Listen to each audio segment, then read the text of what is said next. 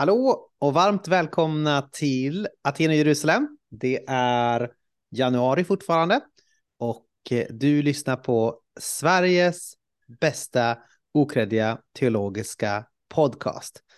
Din Jajamän. teologiska stomipåse eh, som man kan lyssna på eh, eller använda sig av, men kanske inte visa för alla. Eh, med mig idag har jag Viktor Hej hej! Och jag Trevligt heter Anton. Precis, det är det. Alltid en, alltid en, en glädje att ha Faktiskt. med dig, Viktor. Ja, Mm. tack. Att det är och.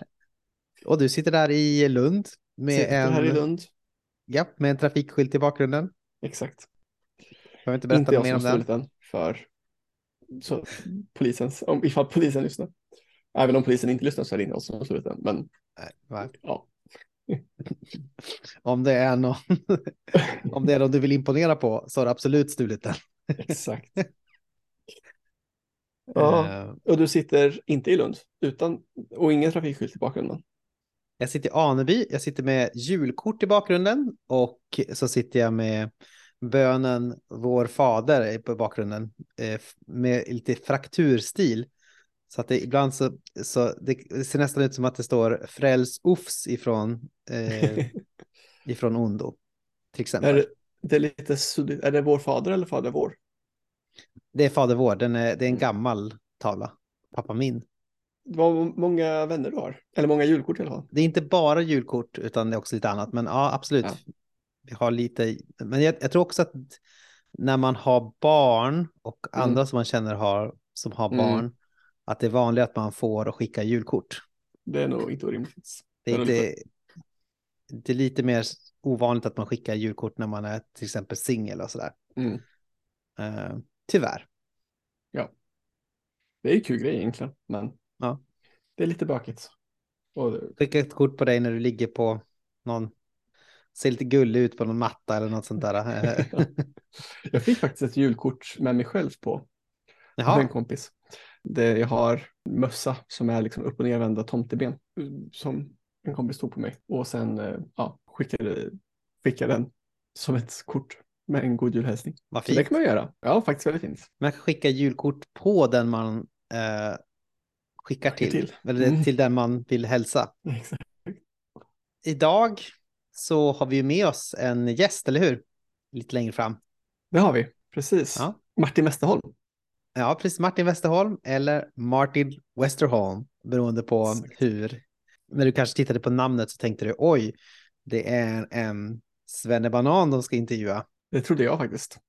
Det kan man tro, men nej, nej, nej. Det är en kanadensare med svenskt påbrå. Så vi kommer att prata engelska framför allt. Ja. Så det kan du förbereda dig för redan nu att med Martin Westerholm slash Martin Westerholm så kommer jag prata engelska. Men han förstår svenska. Så om Mm. ni skulle vilja skicka ett brev till honom så här så kan ni skriva på svenska. Det är okej. Och eh, han är ju då systematisk teolog, teolog vid Göteborgs universitet. Eh, som är antagligen det bästa stället att eh, läsa teologi på. Eh, tillsammans med kanske Örebro eller sådär, skulle jag säga, utan att liksom ha detaljkunskap om alla teologiska fakultet i Sverige. Så är min, är min de, känsla att det de, är, så, du, de du har läst på är de bästa. är de bästa. Mm. Mm. Åbo läste jag ju lite på, men det var ju mest eh, det. distans och det var inte i Sverige. Ja. Åbo är inte bäst i Sverige. Åbo är inte bäst i Sverige. Absolut inte. Eh, och eh, precis, och nu, vi pratar ju om eh, en artikel som han skrivit i en, en sån lite kreddig tidskrift som heter Modern Theology. Eh, och det vi pratar, den artikeln vi pratar om handlar om en snubbe som heter Reinhold Niebuhr. Eh, det är inte, kanske inte alla som känner till honom, men jag kan nämna att det är Obamas favoritteolog eh, och filosof. Eh, så Barack Obamas favoritsnubbe. Eh, och, så det är ju alltid någonting eh, att Mm. sälja in honom med. Eh, är ju en, en kristen teolog då, som har ett ganska så här, eh, det han tänk, eh, hans skola kan man säga är kristen realism, alltså att eh, eh, inte hålla på att vara så utopisk utan se att man när, i den här smutsiga verkligheten som vi lever i så måste man göra vissa eh, avvägningar. Eh, måste man göra vissa politiska val eh, som kanske inte är så här eh, alltigenom eh, fjärilar och eh, näckrosor, utan mm. kan vara är, är liksom tuffa och svåra och mm. sådär. När var han aktiv? Han var aktiv under 1900-talet. Eh, han slog mm. igenom på 40-talet, men jag vet inte exakt när han dog. Jag kan kolla upp det lite snabbt. Han dog 1971, föddes 1892. Mm. Så eh, ja, under 1900-talet så kan man säga att han var som mest i ropet. 40 mm. till 70-talet kanske. Mm. Ja, och, Mitten av. ja. Mm. och lite, lite grann. Så det, vi kommer prata lite om honom, om hur han har missförståtts och eh, hur det här missförståndet har eh, genererat eh, eh nya missförstånd och ny debatt kan man säga. Eh, det kanske, nu kanske inte jag sålde in det här jättesexigt, men det, jag tror att det, är, det är en bra artikel och den är, det, jag tror att det är, ett, det är ett skojigt samtal också. Mm. Det var väldigt intressant. Som, som rör kring liksom, ja, kristen tro, politik, hur Gud relaterar till världen. Är liksom mm. Gud, på vilket sätt är, är, kan man se eller upptäcka Guds göranden i världen på något sätt? Kanske vi kan säga att vi pratar. Är mm. Gud helt annan än skapelsen? Eller är han på något sätt någon som agerar i historien på ett väldigt tydligt sätt? Vi kan säga att det som händer i historien är lika med Guds handlande till exempel. Eller finns det något tredje sätt som man kan mm. se det på? Eh, lite grann det kommer vi prata om. Mm. Uh, ja, det är väldigt spännande samtal. Så mm. Jag var inte med och intervjuade, men jag har lyssnat på det. Så jag rekommenderar alla att fortsätta lyssna. både, både teologiskt och teologihistoriskt intressant. Har du tänkt på någonting på sista tiden, Viktor? ja, men jag, jag har tänkt lite grann, tror jag eller ej. Nej, men... ja. Mesta går på autopilot, men ibland så kommer det någon liten tanke. Exakt. Nej, men jag pluggar ju teologi i Lund nu. Uh, och nu What? Vi... tänker alla. Ja. Och just nu så läser vi en kurs om typ religion och samhälle i nutid, tror jag delkursen heter. Uh, så då har vi börjat lite med sekularisering. Uh, och många, kanske mer konservativa eller fundamentalister, um, gillar ju att skylla på vetenskapen och kanske specifikt evolutionsläran och så. Det har orsakat mycket av sekularisering i vår tid. Men det verkar inte riktigt som att det är fallet. Ehm, utan om någonting så har vetenskapen gjort att vi har kunnat ha mer makt över till exempel natur och sånt som har gjort att vi har känt att vi inte har behövt Gud lika mycket. Eh, eh om, skör, om vi kan se till att skörden alltid är god till exempel, eller nästan alltid är god, så, så behöver vi inte be till någon Gud att fixa skörden till exempel. Eh, så det är mer teknologi, någon form av mer indirekt effekt på sekularisering snarare än att faktiska vetenskapliga upptäckter har lett till sekularisering. Så det är ganska onödigt att vara antivetenskaplig som, som kristen. Eh, om någonting så kan man pusha för mer ödmjukhet i vetenskap och som jag har nämnt, pratat om några gånger tidigare och skrivit blogg om och så, så tycker jag att evolutionsläran kan och gör oss mer ödmjuka än någon form av bokstavstrogen skapelse tro när människan bara är kronan på verket och helt väsensskilt nästan från alla andra djur och, och resten av skapelsen. Så det, det har jag tänkt på. Mm, ja, tack. Eh, ja, det, det jag håller med tror jag. Ja, eh, precis, man kan tänka du? att mycket um, man, man, kan tänka sig mycket av de här eh, vetenskapliga upptäckterna, till exempel eh, Big Bang-teorin eh, formulerades mm. ju först av en katolsk eh, mm. präst. Mm. Eh, jag kommer inte ihåg exakt vad han heter, men det är någonting på L och det är någonting som låter franskt. Eh, så. Och eh, ja. Mm. Och genetiken. Genetiken har vi ju också en munk som var med och ground, eh, grundbreakade och sådär. så att det, och, och det är ju en av de starka, inte på Darwins tid, men en av de starkaste argumenten för evolutionsläran nu för tiden är genetiken och vad vi upptäckt tack vare genetiken. Man kan ju också säga det här med att um, eh, alltså om man ska testa en traditions eh, hållfasthet så brukar man ju tänka att eh, det är förmågan att kunna ta in ny kunskap och integrera det i traditionen. Mm. Just det. Så om man är en hållfast tradition så klarar man av att eh, hantera eh, ny kunskap och så där. Inte kanske okritiskt att man liksom så här integrerar allting direkt, men snarare att man, man har förmågan att liksom kunna reflektera och eh, integrera saker. Eh, och eh, på ett sätt som gör så att liksom huvud, huvudberättelsen eh, håller fortfarande, eller, man ska, eller huvudtraditionen mm. så håller. Mm. Mm. Så att det, det, kan vara värt att tänka på. Mm. Är, du, är du en sån? eller för du fram en sån tradition som har förmågan till det? Eh, då rullar vi igång det här, uh, vevar igång podcast, podcasten. jag tänkte på var den här själva, du vet det ordet på en grej som man snurrar på, är positiv. Nu snurrar vi igång podcast-positivet och eh, med oss är Martin Westerholm.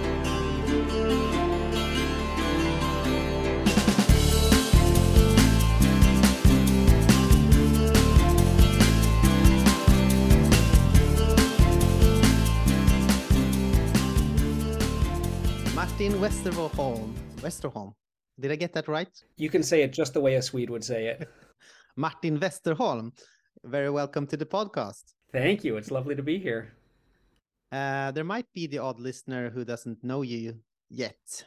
Uh, so, how would you introduce yourself? That's a good question. And I do I do tend to confuse people insofar as I have a very Swedish looking and sounding name and so when they see the name on paper they expect one thing but as soon as I start speaking it becomes clear that uh, I am not in fact a native Swede. So maybe the first thing I should say about myself is that I am Canadian and have been in Sweden now for 6 or so years. Uh, the move was somewhat natural for me. My mother was born and raised in Sweden and my father came to Sweden for his own uh, academic studies, and they moved back to Canada when they were, uh, you know, around thirty or so. So my mother spoke Swedish to us growing up, and her whole family is still here. So hmm. Sweden has been part of my life as long as I can remember, but it is just six or so years ago now that I moved here.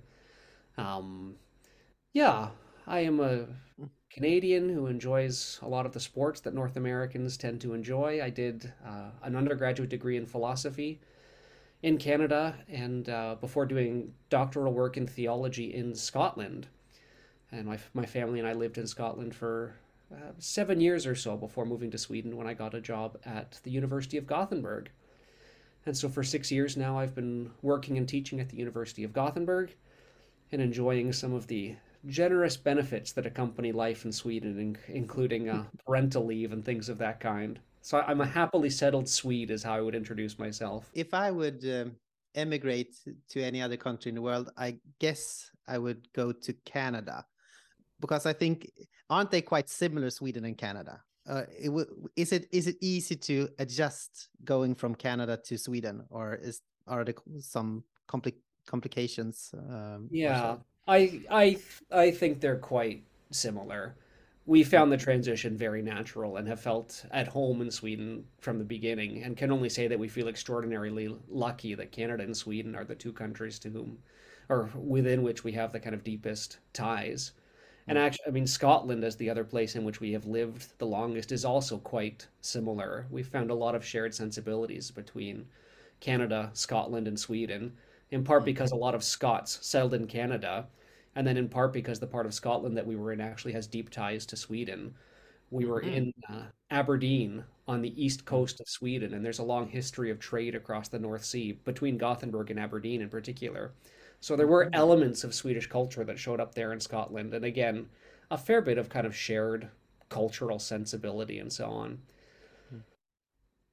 Yeah, the three sensible countries in the world. Exactly. As they would see themselves, I guess. yeah, and describe themselves very humbly. so, so coming from from Canada to to Sweden, how would you uh, describe like the the theological scene in Sweden? How what's your impression of of theology in Sweden? Is that is that a, a to put you on the spot to ask that question? Um, it's an entirely fair question. It's it's just that I feel somewhat embarrassing uh, about the ignorance that will be displayed in my attempt to answer it. Um, I mean, in part because we're at the young child phase in life, and I've been on parental leave for at least a chunk of the time that we were here. And then in part too, because there was a pandemic there for a couple of years. We just haven't kind of traveled around that much. And the time that I've spent in other departments and connecting with other departments has been more limited. So my own impressions of Sweden are based largely on what comes through Gothenburg, what I hear from my colleagues and what I hear from students who have studied other places and so on. And I suppose my sense based on what I hear is that theology in Sweden is probably a fair bit like theology in uh, in Scotland too and in Canada as well. That there are there are pockets in which it is a thriving discipline with a lively conversation. Uh, but then there are also large stretches of the country in which theological interest has faded very much into the background, if it is not non existent entirely. Mm-hmm. And there are uh, at least some institutions of higher learning that aren't certain what place theology really has for them anymore, and in which theology gets displaced pretty easily by uh, mm. an interest in doing cultural criticism or doing uh, a kind of philosophy of religion or something like that. I'd be curious whether that seems fair to you as a Swede who probably has more exposure to the Swedish theological scene than than I do. it seems fair. I, I, would say that like Swedish theology is pretty obsessed with um, justifying its position at the university. I, I, think that's like the the the main thread running through hmm. Swedish theology. Yeah. Yeah.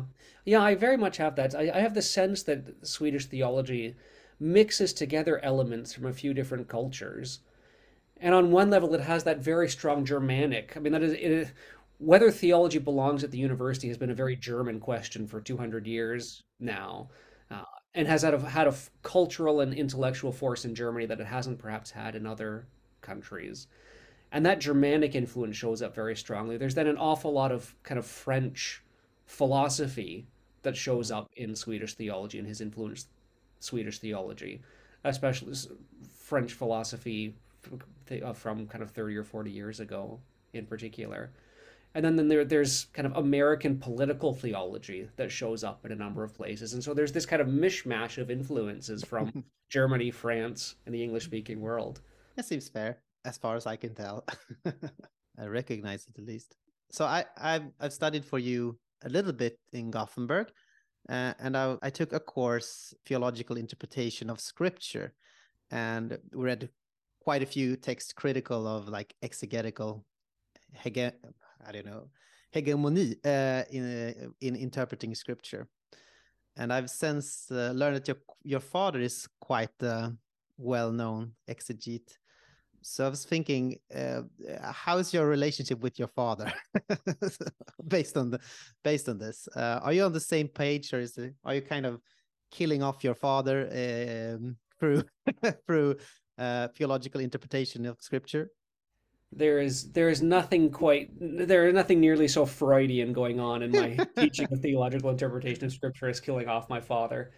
Uh, no, we I mean we tend to talk about baseball and basketball more than anything, but that's not because that's not because we aren't on the same page when it comes to uh, kind of exegetical questions. Mm. I mean, I take it when you talked about a kind of exegetical hegemony. You mean something like the dominance of historical critical study. Yeah, that's right. Yeah, that's right. Yeah. yeah. yeah. And um, no, I I think my father and I are are fairly similar in thinking that of course historical critical study has lots of useful things to to teach you.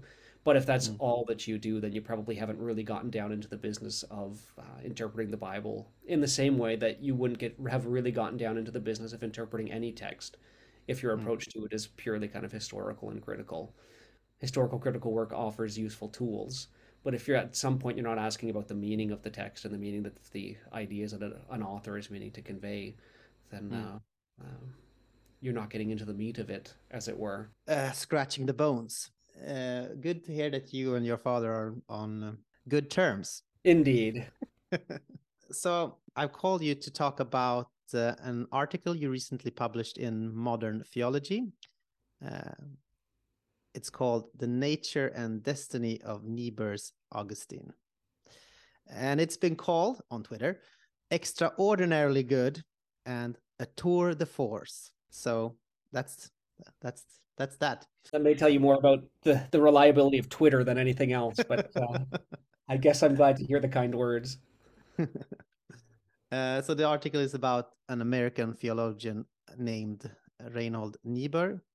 Uh, for those who like Stanley Hauerwas, he is the butt of many a jokes.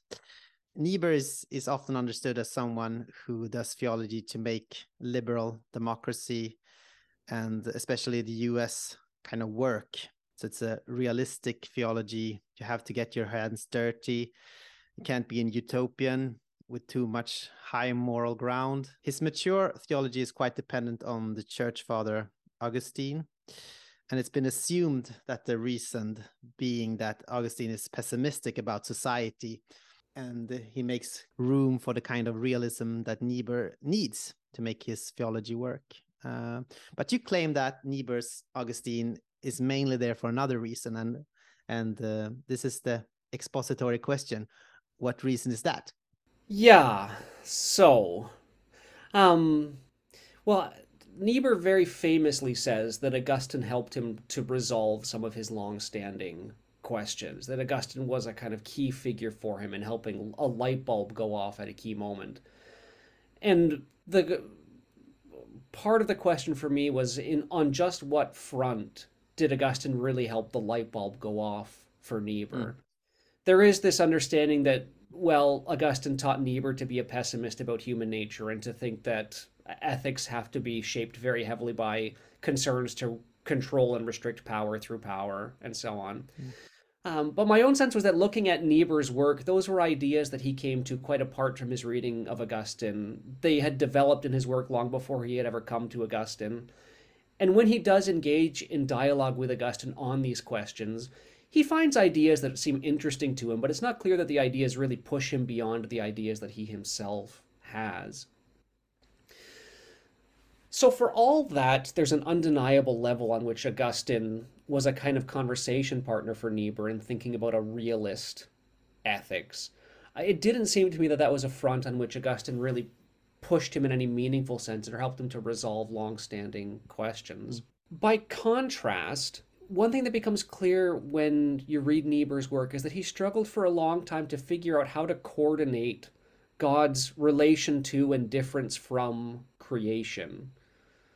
This is an issue that a lot of theologians were wrestling with in the aftermath of reading Barth's commentary on Romans. Uh, Barth's commentary on Romans was translated into English in 1933, and this sparked a wave of debate about how to understand how far God is different from creation and how far God is related to creation. And by extension, how far Christian ethics are similar to worldly political ethics and how far they are radically different from worldly political ethics.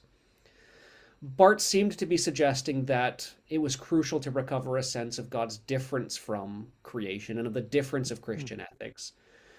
But a lot of thinkers came along and said, well, there's a useful corrective there, but that can't be the last word. We need to think about a way to balance these two things. And for a period of at least seven years, quite possibly eight, nine, ten years, it seems clear across Niebuhr's work that the single biggest question he was wrestling with was how to figure out how to coordinate God's difference from in relation to creation. And it's on that front, I think, that actually a intensive study of Augustine in the late 1930s, as he was preparing what came to be his magnum opus, a two volume work called The Nature and Destiny of Man it was as he engaged in an intense study of Augustine in preparation for this work uh, that he came to find the key to thinking about God's relation to and difference from creation. Augustine suggests quite clearly that um, God has what he calls a kind of in and beyond relation to the creaturely world. That God is, on one level, closer to creaturely reality than anything else but at the same time beyond anything creaturely. And in fact it's the it is the sheer fact that god is different from and beyond anything creaturely that allows god to be closer to creatures to creaturely reality than anything else. So in augustine's work this idea that there is a fundamental in and beyond pattern that plays out between god and creation uh, this idea crops up in Augustine's work, and Niebuhr took it as a key to resolving these questions that he had been wrestling with for quite some time about how God is related to creation, how Christian ethics is related to kind of worldly political ethics, and so on. And throughout his most important work, The Nature and Destiny of Man, he tries to show how this kind of in and beyond pattern shapes all of the important relations of our lives, whether it's the relation of nature and grace, whether it's the relation of kind of Christian love to worldly understandings of justice and so on. So, my suggestion in short is that Augustine helps Niebuhr figure out how God is related to creation, how Christian ethics is related to worldly ethics, by pointing him to this pattern of a kind of in and beyond relation. Hmm. So, so what functions does this in and beyond approach to God's action have when it comes to, uh, let's say, politics in in Niebuhr? Yeah, so it helps Niebuhr figure out how uh, kind of how political theology, how a Christian political ethics is related to the political theories and political ethics that mark uh, contemporary societies or modern societies.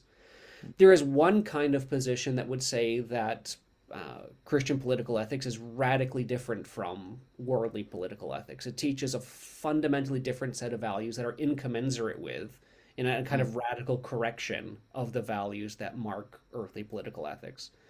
And then there's another kind of sensibility that would say that, well, Christian political ethics might be a kind of intensification of the values that underlie worldly political ethics, but fundamentally they're the same values. There aren't radical differences between them. They exist in a great deal of continuity. That would be the Swedish way.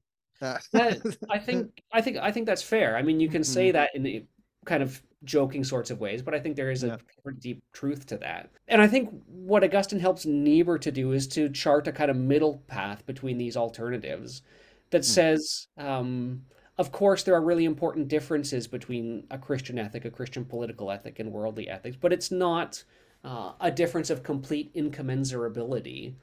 Uh, there are overlaps in values. The, the values of a Christian political ethic are present in and can be represented in a worldly political ethic, but then the Christian ethic is always out beyond that as well.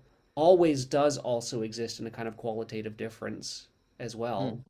So there's an in and beyond relation between Christian political ethics and worldly political ethics, just like there's an in and beyond relation between God and creation, church and world, and so on. Does it do any like practical difference, would you say, or, or where, where can you kind of spot that that practical difference that um, this in and beyond uh, relationship does to Niebuhr's uh, politics?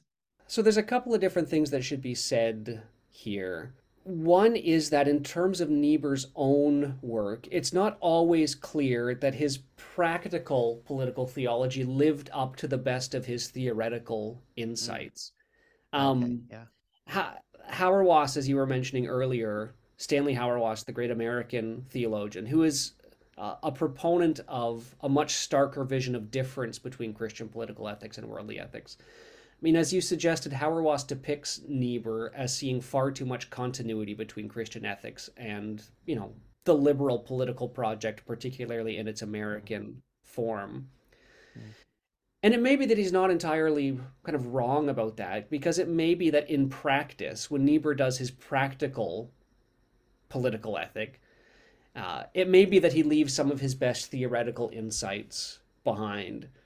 Hmm. So, in terms of the practice of Niebuhr's ethics, it's entirely possible that he does come too close to a vision of a kind of continuity in which the hmm. church does serve to prop up the liberal order. Mm. Uh, it's not clear that he lives up to the best of his theory. But the second thing then to be said is that if you were to abstract the question from the particularity of Niebuhr's work and ask kind of what practical difference could this kind of ethic make? Yeah. I mean, what what it can help you do is to show Christians that, of course, they can be involved in worldly politics. They can be present in worldly politics. They can try to use them as means of furthering justice, looking out for the needy, lifting up the weak, and so on. But they then also have to realize that their values will always be out beyond the values that will be represented in their political communities, that they are called to embody a form of love that will always stand beyond the values that uh, can shape uh, mm. a, a, liberal polity. Mm. So co- yeah, concretely, it can help think people think about how to live both in and beyond their Mm. political communities. So it seems fair that you could say that maybe Niebuhr's uh, theology doesn't go as far as it should, but a Niebuhrian uh, political theology could be very useful and and do some Yeah. heavy lifting. Yeah, I, th I think that's fair. And the, the only thing I would the thing the thing I would add just by way of clarification is that uh, when I speak about Niebuhr's Augustine and suggest that the Augustine who influences Niebuhr is this Augustine who embodies a kind of in and beyond vision, I am drawing primarily from his mo from Niebuhr's most important work of theology, which hmm. was written in the kind of early 1940s. But in importance, in an important sense, it was the last major work of theology that he wrote. And thereafter, the vast majority of what he wrote was kind of concrete political theory and concrete Mm. and advice regarding concrete political practice. And so it may be that as he left theology, you know, partially left theological writing behind and turned to concrete questions of politics, it may be that his translation of his theory into practice wasn't entirely uh, wasn't entirely flawless. Mm. But the theological theory, as it was embodied in the early 1940s, I think uh, has a lot of potential. So that's the nature of Niebuhr's Augustine. And over to his destiny. So if Niebuhr wanted to avoid a kind of wavering to and fro between an over identification between God and world, an example could be history is kind of identified with God. The the the, the events of history is kind of a revelation of God. Um, and on the other hand, the two stark contrast that God is completely other and that God's actions can't really be discerned in any reliable way. Um, so uh, that would be uh, his critics, kind of Hauerwas being one of them, identified him with the with the with the former kind of over identification of uh, between God and world. Uh, uh, so so that's uh, that's kind of what happened. That um, there's been uh, Niebuhr has been read as as over identifying um, events of history with God's action, uh, and this has led to a great irony. And could you please tell us about that? It's a long way to get to that question. Yeah. oh, that's all right. Um, And yeah, it's not so even a question. it was, it doesn't it doesn't have to be. It was a very useful prompt. yeah, thank you.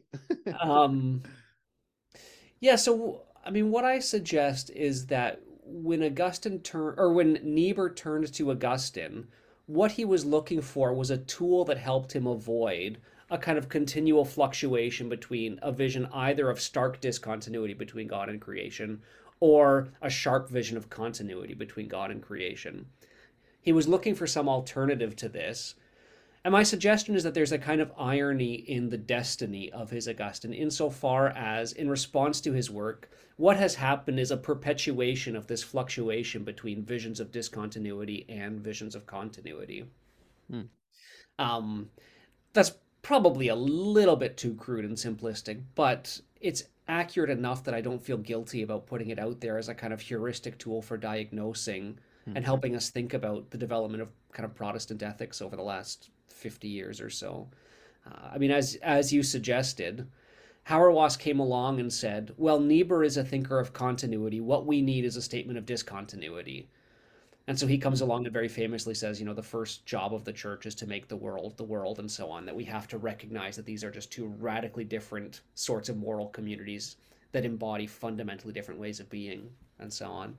Um, and Hauerwas had extraordinary influence in North America in particular. Uh, there is uh, at the a, a prominent American Protestant ethicist at Notre Dame right now named Gerald McKenny, who has said that to un- understand the history of 20th century Protestant ethics, you just need to understand three figures: the the progression from Walter Rauschenbusch, the sort of social gospel theorist in the 20s and 30s, through Niebuhr as the kind of political realist in the 40s, 50s, 60s, into the 70s, and then Hauerwas as the kind of Barthian corrective to Niebuhr, the late 70s through the 80s and 90s. And the, these three figures are crucial. But what Hauerwas offers is this statement of discontinuity in response to Niebuhr's perceived statement of continuity. And what has then happened is that after Hauerwas, a subsequent generation of uh, theological ethicists have come along, several of whom are themselves enormously influenced by Augustine. And they've offered accounts of political ethics in response to Hauerwas that I take to come too close to being kind of renewed statements of continuity. Mm. So, in, in effect, Niebuhr was trying to avoid this fluctuation between continuity to discontinuity to continuity to discontinuity. But Hauerwas came along and said, Niebuhr is continuity, we need discontinuity. And then a subsequent generation has come along and has said, well, Hauerwas is discontinuity, we need continuity.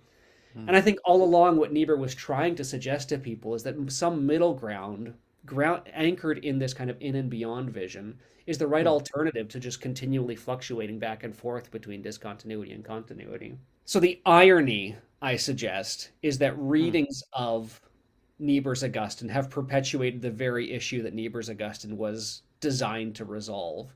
They've mm. carried on the very flaw that Niebuhr was trying to address by way of his reading of Augustine.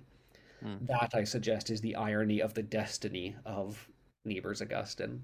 Uh, it's well well written, I think that that part of your article, or I am. It's very illuminating to to see this kind of uh, renewed pattern of discontinuity and continuity.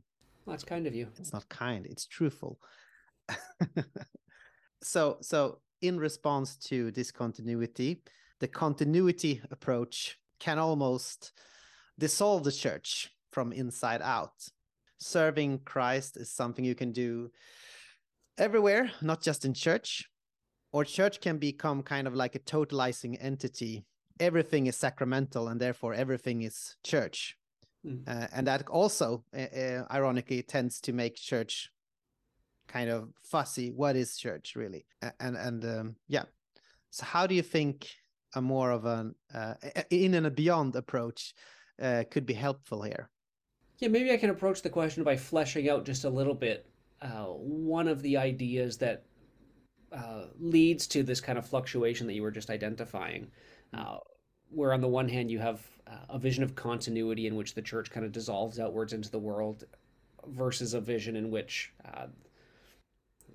kind of all of creation is drawn into the church and sacramentalized and mm. so on. One of the things that I suggest in my article has led to renewed visions of continuity is a really heavy emphasis that has been present in some quarters of theology over the last, let's say, 20 or 25 years on the graced character of all nature. Mm. Uh, you know, one one central theological question, really, you know, dating back to Augustine at least, is the relation between nature and grace. Um, and for much of the 20th century, in part under Barth's influence, in part under the influence of a particular reading of Thomas Aquinas that was enormously influential in the Catholic Church through the 19th century and into the 20th century, it was understood that nature and grace are just sort of separate things that kind of don't have a lot to do with each other. And, and to have any contact with grace is, in one sense, to leave nature behind. Uh, but there are revisionary accounts of Thomas Aquinas and then also readings of Augustine over the last 25 years or so that have laid heavy emphasis on uh, the idea that all of nature is graced by virtue of its participation in God. That in fact there is a kind of divine presence in all of creation. There is no hmm. sphere of nature that can be can be said to stand apart from the influence of grace. And theologians have used this to dispute the idea that there can be anything like a meaningful secular sphere. They've used it to insist on the kind of sacramentality of all of creation and so on. But it has led to uh, a really interesting kind of back and forth between uh, anti liberal and pro liberal uh, versions of theological ethics. Mm on one side, there is a kind of anti liberal version of theological ethics that has set, insisted that all of nature is graced and has therefore argued that there can't be anything like secularity, and that in fact all of creation, in an important sense, should be understood to exist inside the church. That everything hmm. is sacramentalized.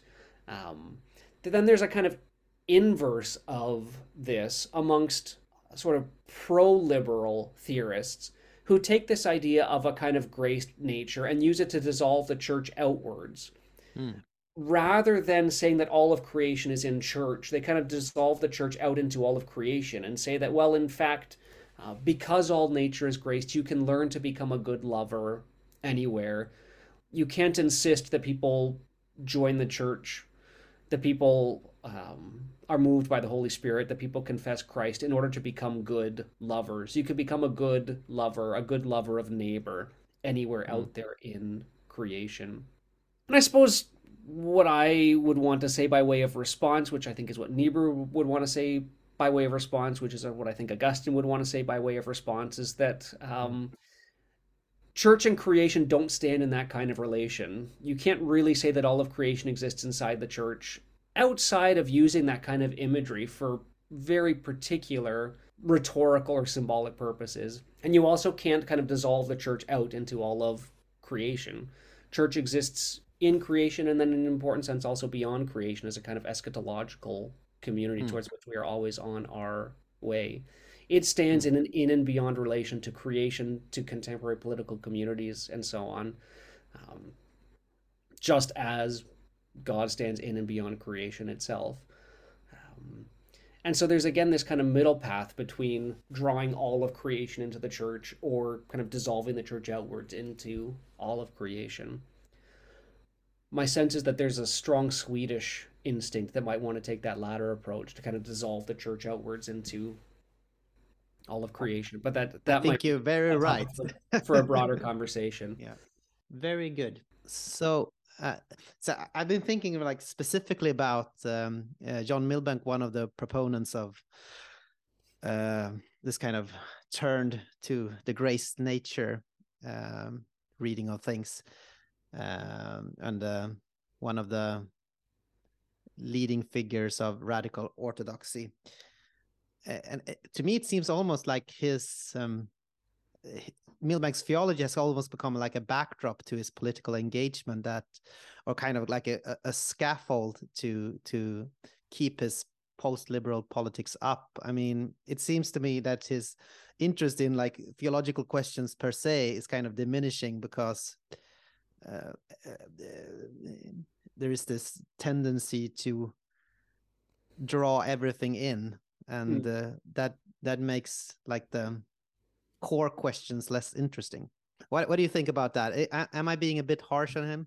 If you are, then he can hardly claim a kind of injustice insofar as he tends to be even more impatient with those with whom he engages and tends to be himself even happier to engage in really quite brusque characterizations of his opponents.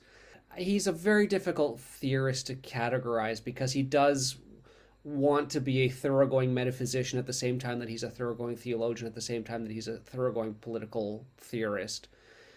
Whether he can really be all of those things, I think, is a fair question. And you're undoubtedly right that, at the very least, in terms of what actually occupies his attention, he has written much more about metaphysics and political theory over the last, let's say, 15 or 20 years than he has theology. Though whether he ever really quite wrote theology without really having metaphysics and politics in mind might also be a fair question. Is the theology just a scaffold for a kind of post liberal theology? I guess I would probably want to be a little bit more patient than that mm. and to say that there is a kind of integrated vision in which you really could see the theology as coming first if you wanted to even though the political theory gets a great deal more kind of airtime um, but yeah just what one identifies as the starting point of of milbank's theories and just how one identifies what is really most fundamental, I think would be a very, very difficult question to answer. Mm. And so it simply in part actually as a kind of counter to a Milbankian sensibility, my own instinct would be to encourage charitable interpretation that includes the benefit of the doubt where at all possible. Simply because mm. I think he Milbank, for whatever one wants to say about a po- whatever positive influence one thinks he has had, he has surely had a little bit of a negative influence in the brusqueness of his polemics in ways that I think one could really see as regrettable. So let's be charitable to good old John. To good old John Milbank. So if one would like to defend the more uh, Barthian or Hauerwasian position. Uh, one could say that um, the discontinuity, uh, the approach that tends to discontinuity, has led to more of an ethical radicalism than Niebuhr's uh, analogical method, uh, which I uh, has understood as a more like a bland, realistic uh, perspective, kind of lacking any difference um, that Christ makes in in day to day politics or so. Uh, what do you think about that, or and and if you would like place yourself um, on a scale where uh, one pole being uh, Niebuhr and one pole being Hauerwas, where would you place yourself? Somewhere in the middle. Yeah. Um. Well, so I mean, there were a few questions there. So the first thing I would say is that you're right, of course, that a kind of Barthian Hauerwasian ethic on the face of it yields more of a kind of what you called ethical radicalism. That's undeniable. The only thing I would say is that um, radicalism in and of itself doesn't have to be a good thing.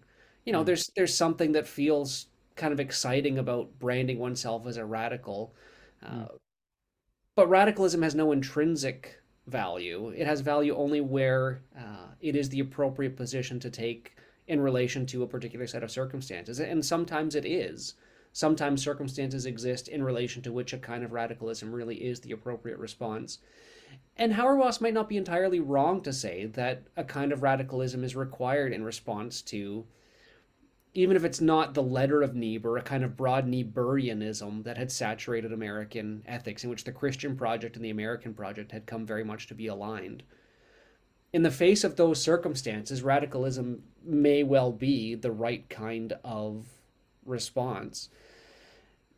It's then important as a further clarification that, um, yeah, the early Barth in particular and Hauerwas at moments offer very stark statements of discontinuity that yield forms of ethics that can be called radical. But as Barth's work matured, he came to his own version of a kind of in and beyond position. He came at it mm. Christologically rather than in terms of the relation between God and creation in the way that Augustine did. But he came in effect to the same kind of understanding of an in and beyond relation. Mm. And for all of Hauerwas's radicalism, um, he can still find. I, Thomas Aquinas and a kind of Aristotelian virtue ethics can still be an enormously important influence for him in the way that one version of a Barthian radicalism would have absolutely no time for. So Hauerwas himself has lots of space to take on board uh, elements of a political theory or a theological ethics uh, that are a good ways from any kind of radicalism. Mm. In terms of, well, so in terms of what I think for myself, I, I, mean, I think this in and beyond relation is basically right, but how mm. it plays out or manifests itself in relation to particular questions or particular circumstances is uh, not always easy to see. I suspect you, you can f- put both Barth and Hauerwas into a kind of in and beyond position if you want. And then actually part of what I'm thinking through for myself in engaging with Niebuhr and having this dialogue with Hauerwas and so on is is just, whether we're really posing the question in the most helpful sort of way, whether we really should think that there is a kind of spectrum in which Niebuhr is on one side and Hauerwas is the other, and we have to kind of put ourselves somewhere on it, mm. or if the question itself can actually maybe just function on different terms. That, uh, I mean, Augustine, in his own work, has these really brilliant moments of reversal bordering on a kind of deconstruction in which you know at the moment that you think you are most continuous at the moment you think you are closest you are furthest away at the mm. moments that you think you're furthest away in important senses you are kind of closest and so whether we can just set up a kind of spectrum of discontinuity and continuity and treat it as kind of straightforward and unproblematic is uh, is an important question i think mm. yeah well that would be like the aim of your article to to I guess uh, if if we if we would take it not just to be descriptive, I mm. guess that would also be like the the aim of your article to suggest um, this in and beyond perspective. So that would make the question kind of unintelligible, I guess, um, Hmm. in a sense. Yeah. I will say one of the kind of tr- not really tricky, but one of one of the questions that I came across in writing this article was actually just how to end it. Hmm. Because a good deal of it is descriptive.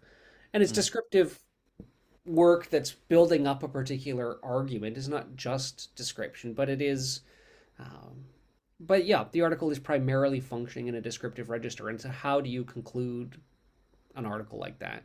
And in effect, the the conclusion was I'm trying to help find a better version of the question.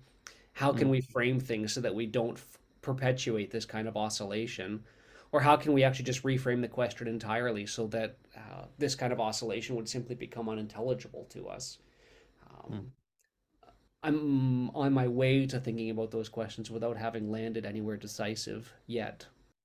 Anyone who has the, the time and uh, and or means to read it should, I think, or uh, has some some sort of interest in theological questions and reading theological prose.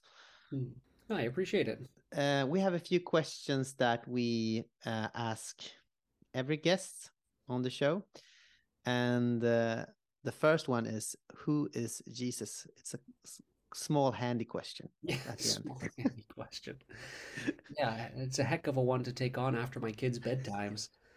Um, I mean, I'm I'm tempted to say that you should all come take our course in the fall term, every fall term at the University of Gothenburg on Christ, humanity, and salvation. Hmm. Come and come and learn the answers. Um, yeah, I find it help, helpful in thinking about this question to distinguish two possible ways of offering an answer. One is on kind of perennial terms, and the answer that one might offer on perennial terms draws heavily on the kind of orthodox confessions of the church. Uh, Jesus is the incarnation of the creator God, the hypostatic union of the divine and the human, the one in whom God was present reconciling the world to himself. Uh, in terms of perennial answers to the question, who is Jesus? Uh, for me, those formulations are starting points. But the, then it's also a question that takes on particular meanings in particular times and places, and what it means to think about who Jesus is, um, or you know how one thinks about who Jesus is can change depending on one's historical context. Dietrich Bonhoeffer, for instance, in the 1930s, uh, began a lecture course on Christology that became a little book with the question, Who is Jesus for us today? His sense was that in the times of crisis in which he lived, there was a particular force and a particular worth to re examining the question, Who is Jesus? from the perspective of or through the lens of the times in which he lived. And for myself, I've probably been thinking more recently about this second approach, the kind of contemporary approach that follows Bonhoeffer in asking something like, Who is Jesus for us today? And I asked the question in particular in light of, um, I mean, the crises that we see unfolding the, in the world, around the world. Uh, primarily, perhaps, of an ongoing climate crisis that may straightforwardly threaten the viability of human life on Earth. And the question, who is Jesus Christ for us today in light of a crisis of this kind, is for me a really interesting and important one. And I think there's a lot that could be said by way of answer. But maybe the most important thing that I would want to say at this point is that, at the very least, who Jesus is, is someone who teaches a form of love that isn't dependent on some overarching vision of the meaning of history that we can construct for ourselves. I mean, all of our cultures, and by derivation, all of our individual lives, have implicitly drawn from and depended on a kind of vision of the meaning of history for their coherence, the directions in which history is going, and so mm. on. And I think our visions of the possibilities of our love have often been dependent on our visions of the direction of history. What we can do with our love, I think we have often understood by derivation from what we where we think history is going, what meanings we think history is contained. And the question is what meaning can be left for love if it turns out that where history is going, at least insofar as it is humanly observable, Hmm. is some kind of cataclysm, some kind of cataclysmic catastrophe, perhaps even a species ending catastrophe. What form of love still makes sense in those contexts? What can we still, what kind of meaning can we still find for our love? And if you ask who Jesus is for us today, think at the very least he's a figure who teaches a form of love that isn't dependent on human visions of the meaning of history or isn't dependent on a vision of the meaning of history that we can construct for ourselves and work towards for ourselves. Christ teaches a form of neighbor love. If you, we could borrow from some of your earlier language and call it a kind of ethical radicalism, a radical mm. form of neighbor love that isn't dependent on us as individuals or our societies as collectives being able to fulfill some meaning of history, being able to reach some historical end mark, fulfill some kind of goal, attain some kind of status uh, that might be viewed as histor- as humanly desirable. Christ teaches us that quite apart from any meaning of history that we can construct for ourselves, there is a form of neighbor love that will always remain intelligible, uh, that will always offer something of worth because it reaches out to those who are in need and tries to meet them where they are. So there's a perennial answer to the question, who is Jesus? But then there's also always a way of thinking about the question that roots it in contemporary circumstances and, and asks Bonhoeffers, who is Jesus for us today? And on at least one level, who Jesus is for us today is someone who teaches a vision of love that isn't dependent on our visions of the meaning of history. Hmm. There, there's a lot else that could be said, but that might serve as a starting point at least. It's a good starting point. So if um, if radicalism is an appropriate response in certain certain um, contexts, certain times, Hmm. then uh, would kind of a Christological radicalism be an appropriate response to these times? Or, or or would that be kind of like assuming that we have control of history or or so? Um, yeah. So what I would say is, um, these times is Mm. too broad and unifying a category. I don't think there is Mm. any one thing that can just be summed up under these times. Mm. I think, as I think Augustine would himself have tended to think, there are a range of forces pulling in a range of different directions that aren't, that have no kind of overarching principle of coherence that we could point to and say that is the essence of these times. The essence of our times can be summed up in this one thing that then manifests itself in these 15 or 20 different forces that are pulling in a range of different directions. Uh, but I would say that there are certainly elements of these times in response to which a kind of Christological radicalism would be entirely appropriate. At the end of the day, I guess I think I will just say I think sacrifice is a notion that needs to occupy an important place in the moral grammar that we use to parse how we respond to this situation. And you get to that on, by way of a kind of Christological radicalism, by pulling at what is, in a sense, most scandalous about the kind of ethic that Jesus was trying to teach. Well, thank you. Yeah, I I kind of hesitated and doubled back on myself there a few times because I don't it is tempting to get into the kind of prediction business and say, well, if we don't do this, then this can't happen, or if we, we don't do this, then we'll never mm-hmm. get to. And I, I think the prediction business is a losing game. There are very smart people right now who have studied the question closely, who who have suggested that the free market might actually be enough to save us. The free market got us in this predicament, but the free market might also be enough to save us insofar as we have reached a tipping point at which renewable energy is just cheaper than most forms of fossil fuels in most places. So maybe we don't need an ethic of sacrifice to save us. Maybe the free market can do it. I don't know. I don't want to be in the predict- prediction business. But I would, I do feel confident saying that a kind of ethic that is adequate to the moment uh, can't exist without the idea of sacrifice having some place in it.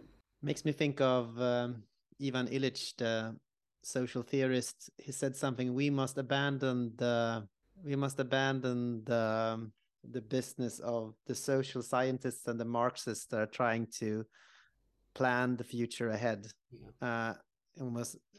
Uh, his uh, suggestion being we must live in kind of an un- unplanned, open hope. Yeah. uh, Yeah. As a posture uh, to Yeah. the future. Yeah. Yeah. No, I think there's a profound wisdom to that. So the last question: Who should we interview for this podcast? Yeah. I mean, it's a hard question to answer because it really just depends on what you're interested in. I will say your question earlier about, um, you know, kind of my perception of Swedish theology. Mm. I'm not sure I'm qualified to have a perception of Swedish theology, but I can say that it's a question that my colleague Ola Sigurdsson has thought about a fair bit. And he's just written a quite short book that's called simply Vad är teologi, Mm. in which he gives a kind of assessment of the state of theology in Sweden in general and the Church of Sweden in particular, and suggests that for this for the health of the Church of Sweden and for the health of Swedish society, it really needs to improve and change. And you know, having him on to talk about that book and his perception of theology in Sweden and what theology in Sweden needs and so on, uh, that strikes me as a conversation that would be very much worth having. We have a new doctoral student beginning in our department. I don't know. Do you, I don't know if you met Miriam Sunder. If she was a, she may have been a classmate of yours about the time that you were going. Not sure. Can't re- recall. Hmm. Uh, maybe. She, she's doing really interesting work on on questions of suffering in relation to political theology, uh, and grounds those questions in real world experience. Insofar as she has worked as a nurse for a number of years in in Mm. palliative care, um, in terms of questions of suffering and political ethics, mean, just real life. She is a person who would be very much worth speaking with. I have a friend at the University of Nottingham named Michael Burdett, who will be coming over for Vetenskapsfestival in, in April. And he's done a lot of interesting work on kind of transhumanism and theology and science. Uh, and there's a lot there that would be worth a conversation. Um, and I, I'd be happy to make other recommendations too if there are particular topics that you're interested in, but those might might be some places to start at least. Thank you. We don't know where where we're going next, so uh, we we try to live in open and unplanned sort of hope of uh, whom the next Yeah. guest is going to be. Yeah. Well, what what a what a messianic approach to take to a podcast. yes, yes. Yeah. That's the approach we have chosen. Perfect. Okay, thank you very much, uh, Martin. Um, we'll be seeing each other, I hope. Hope so too. Thank you for your time, Anton. Thank you.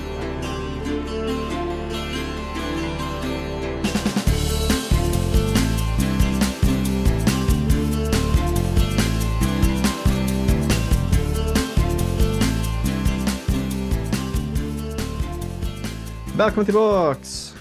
Hej, hej! Kul att ni är med. Ja, hoppas ni hade bra med Anton och Martin. Om jag får kalla honom det, men det tror jag att han får. Han kändes väldigt ödmjuk. Jag tror inte att han var så här, äh, han verkar inte helt besatt av titlar i alla fall. Nej. Det är inte mitt intryck av, av äh, Martin Nej. Westerholm. Eller kanske, du kanske kan passa på genom ett smeknamn nu. Mar Marty. Eller något med efternamn kanske, Westholm, Holmaren. Ja.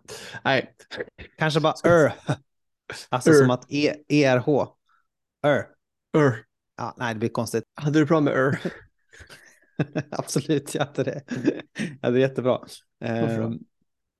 Jag är inte, he vi är inte helt obekant med honom och sådär. Nej, du har haft Han- honom, i- han har föreläst för dig någon gång eller?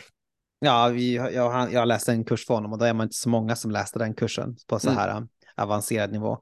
Så att då um, sitter man ju och pratar om olika böcker typ.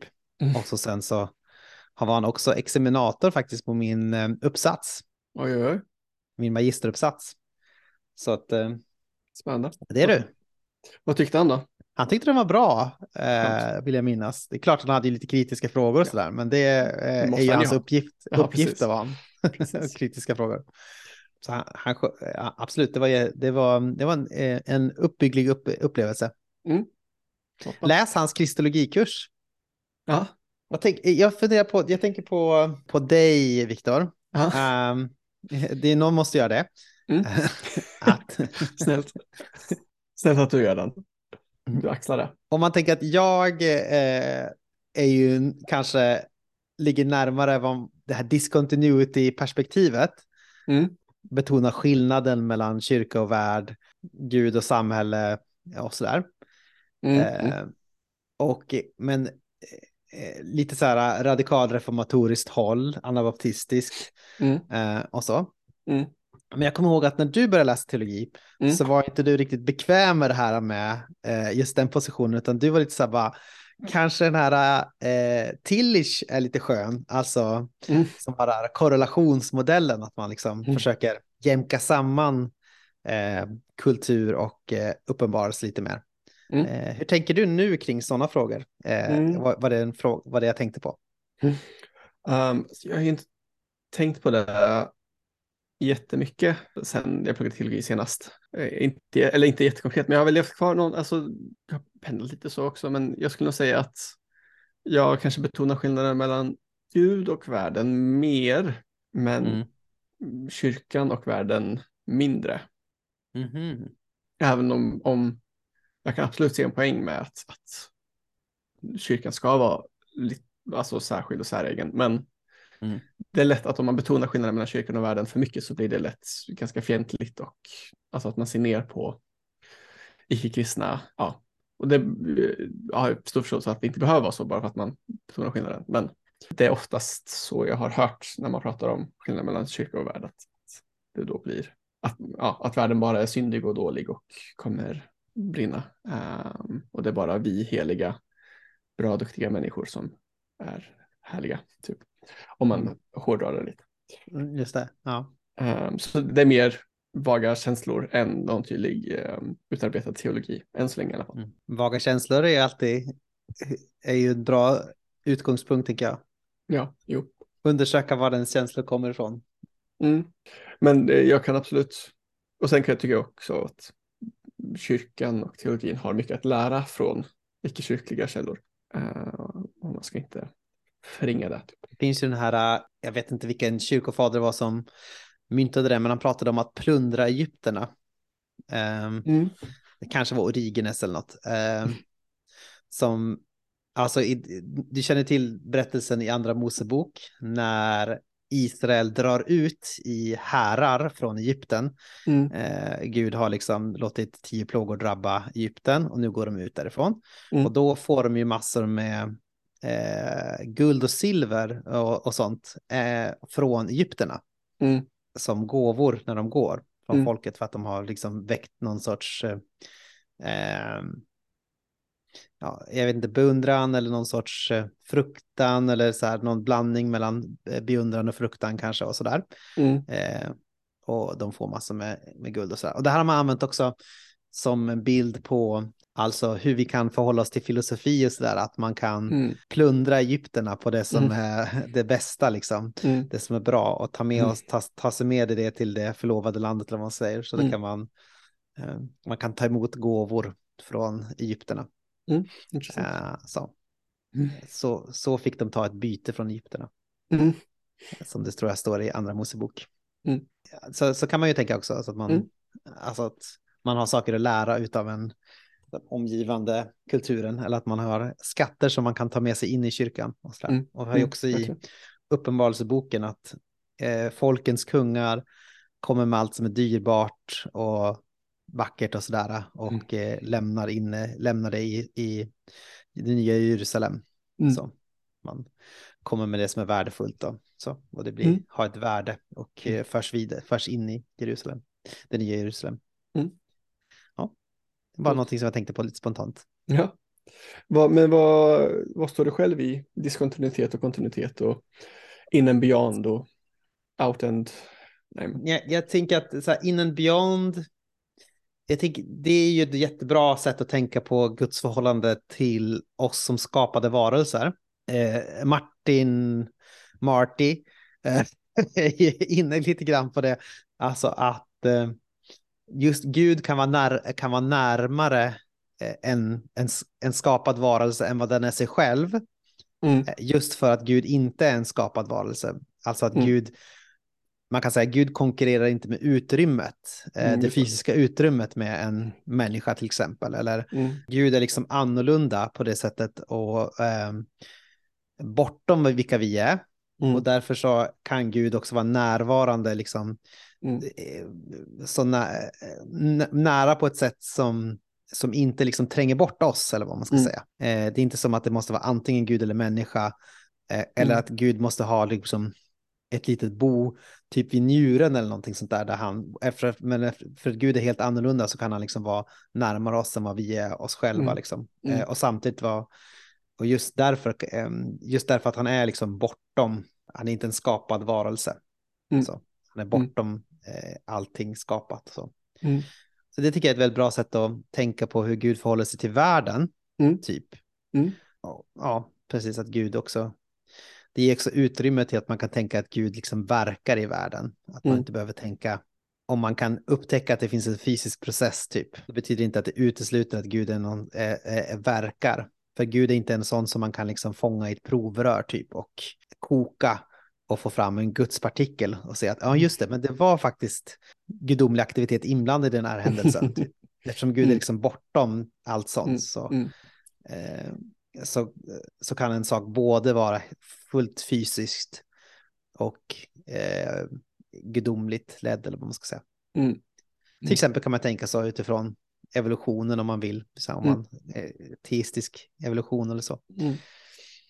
Sen så har jag väl ofta en sån här, äh, när det kommer till typ samhällsfrågor så här så är jag väl, äh, ten- tenderar jag väl till, till discontinuity eh. Att, Mm. Alltså Bart, om du tänker, vi nämner ju Bart här från början. Mm. Eh, eh, han han eh, hade ju sitt starka liksom, eh, att man skulle göra skillnad mellan eh, Gud och världen, att det inte är samma sak för att det just fanns en sån liberal teologisk strömning liksom som nästan eh, gjorde Gud liksom identisk med historien, typ eller så. Eh, att man såg liksom kejsarens krigspolitik under första världskriget som på något sätt eh, ja, men ett uttryck för Guds handlande, hur Gud liksom födde fram någonting nytt i det tyska folket eller något sånt där. Mm. Och då vill han säga liksom eh, ett stort nej till det Mm. och, Mm. och, så, och betona skillnaden. Mm. Och, så. och jag eh, tenderar väl lite åt ett sånt eh, nine också oftast. Mm. Ehm, Ja, ja, det är jag. Jag köper det Mm. faktiskt. Det, det är ju, jag tänker på, eller en invändning skulle vara äh, romarbrevet om, om att ehm, alltså, eh, ja, svärdet och, och, och så. Romarbrevet Gud. 13. Precis. Eh, att Gud på något sätt har satt ledarna. Um, står det väl. Eh, ja, alltså.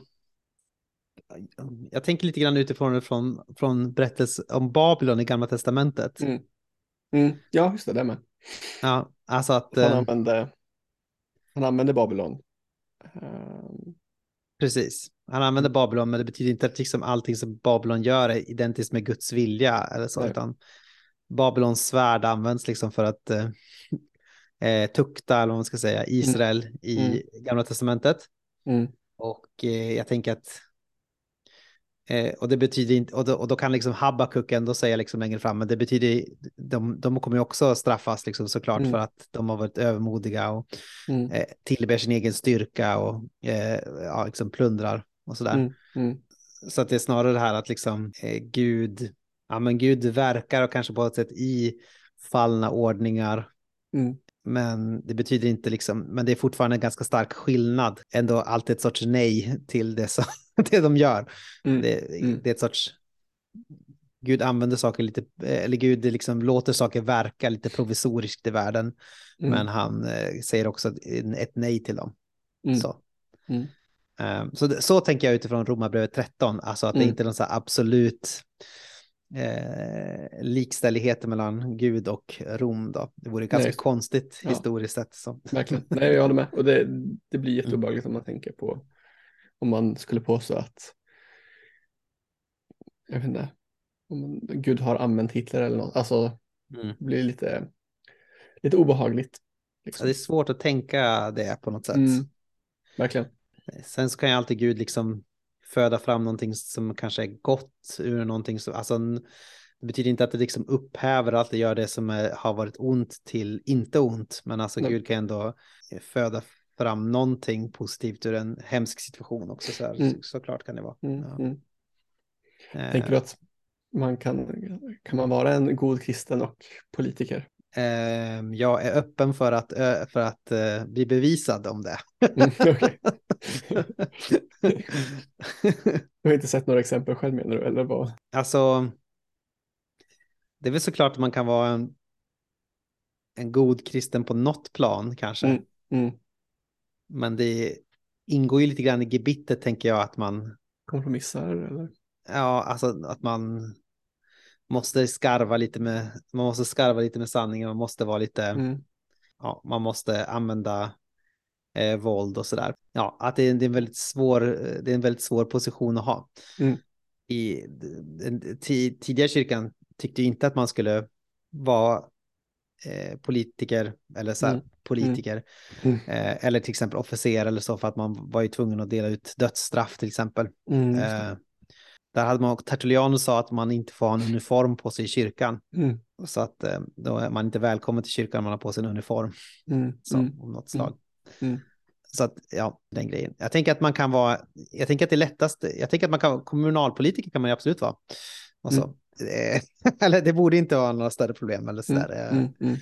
eh, Och man skulle kunna vara typ, det finns säkert många saker man kan vara, och man kan absolut liksom jobba med fot, lite mer fotfolkigt. Liksom. Men Mm. jag tänker att det är svårt, det är ändå svårt på en viss nivå. Hur mycket realist ska man vara då, Mm. till exempel? Mm. och bara acceptera. Hur mycket kan man lita på att ens arbete för, för gör någonting gott som den här uppoffringen av integritet är värd? Mm. Det är väl den frågan man måste ställa sig, Mm. tänker jag. Eh, hur, vet jag. hur vet jag att det blir mer gott av att jag engagerar mig i den här positionen Mm. eh, än det som jag måste offra integritet och Mm. eh, andra saker? Liksom Mm.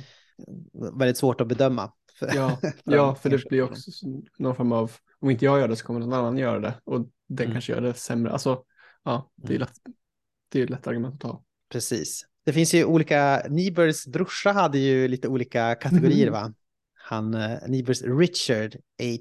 Niebuhr, Mhm. han pratade om att man kunde vara, också teolog. ja också på teolog, Mm. man kunde vara Christ eh, in culture, man kunde Mm. ha Christ in paradox with culture, eller eh, Christ transforming culture, Mm. eller Christ against culture. De här har jag hört. Ja, det är en klassiker. Mm. Och eh, eh, den är liksom upplagd för att man ska välja trans, Christ transforming culture. ja, man ska, att man ska vara lite reformärt. och Så. Det, det, eh, den, är, den är ändå lite rolig att tänka utifrån. Mm. Så. Och jag hamnar väl ganska ofta i den mest föraktade positionen Christ against culture. Eh, Köper det. Ja. Okej, de får, om Niebuhr lyckas eh, transforma culture på ett bra sätt eh, Mhm. så att jag kan se det, då är jag beredd att omvända mig. Eller Niebuhrian kan göra det. Mm. Eh, Svårt för Nibor att göra det nu. Niebuhr, ja det är svårt för honom att bevisa något. nu. alltså överlag, så, det är väl bra att tänka, alltså när man är engagerad, så kan jag nog ändå tänka eh, när man är engagerad på liksom så här fotnivå Mm. eller så, Mm. eh, eller i civilsamhället, att jag kan ju vara engagerad i en organisation och arbeta för det som är positivt. Eh, men jag vet samtidigt att det jag vill peka liksom bortom den här, eh, ja, är bortom vad den här organisationen kan eller klarar av eller har som mål att göra. Eller, den brister på olika sätt. Den är ingen så här perfekt ideal grej och den kan inte göra allting. Och, så, så, så, det, så tänker jag man kan, när man tänker så här, man enga- engagerar sig på fotnivå, Mm. att då kan man ju verkligen tänka på det in and beyond, alltså att jag är i, Mm. det här, på, i den här platsen till exempel. Mm. Säg att du är med i eh, Skuri och bygdeförening, eller Mm. att du är med i Kristna Freds i Nässjö eller något sånt där. Mm. Eller Svenska Freds i Nässjö, heter det. Eh, och så, att då kan jag ändå se att jag, jag är i det här och jag försöker arbeta för det som är gott och jag ser att det finns mycket som sammanfaller med det jag tycker är gott i den här organisationen. Mm. Men jag ser också att ja, det, det finns ett bortom, liksom, den här organisationen har ändå liksom en begränsad sak och sådär. Mm. Eh, Så, så kan man ju tänka, tänker jag. Och Mm, mm. Det kommer alltid skava lite grann. Mm. Och det gör det ju också i en församling, tänker jag. Att det Ja, är verkligen. ju också i och bortom. Mm. Att man är i, det, är, det här är Guds liksom, rike eh, Mm. redan nu, men ännu inte. Mm. Det finns red, redan nu så finns någonting av Guds, eh, hur Gud verkar i världen i Mm. en församling, men det är också, Mm. det är ännu inte det det ska Mm. vara.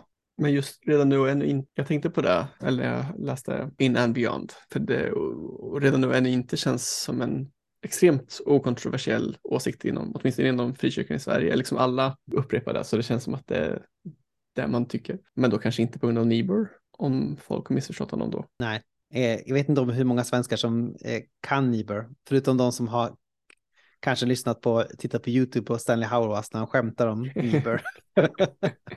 Ja, det kan vara värt att säga att eh, man kan prenumerera på den här podcasten mm.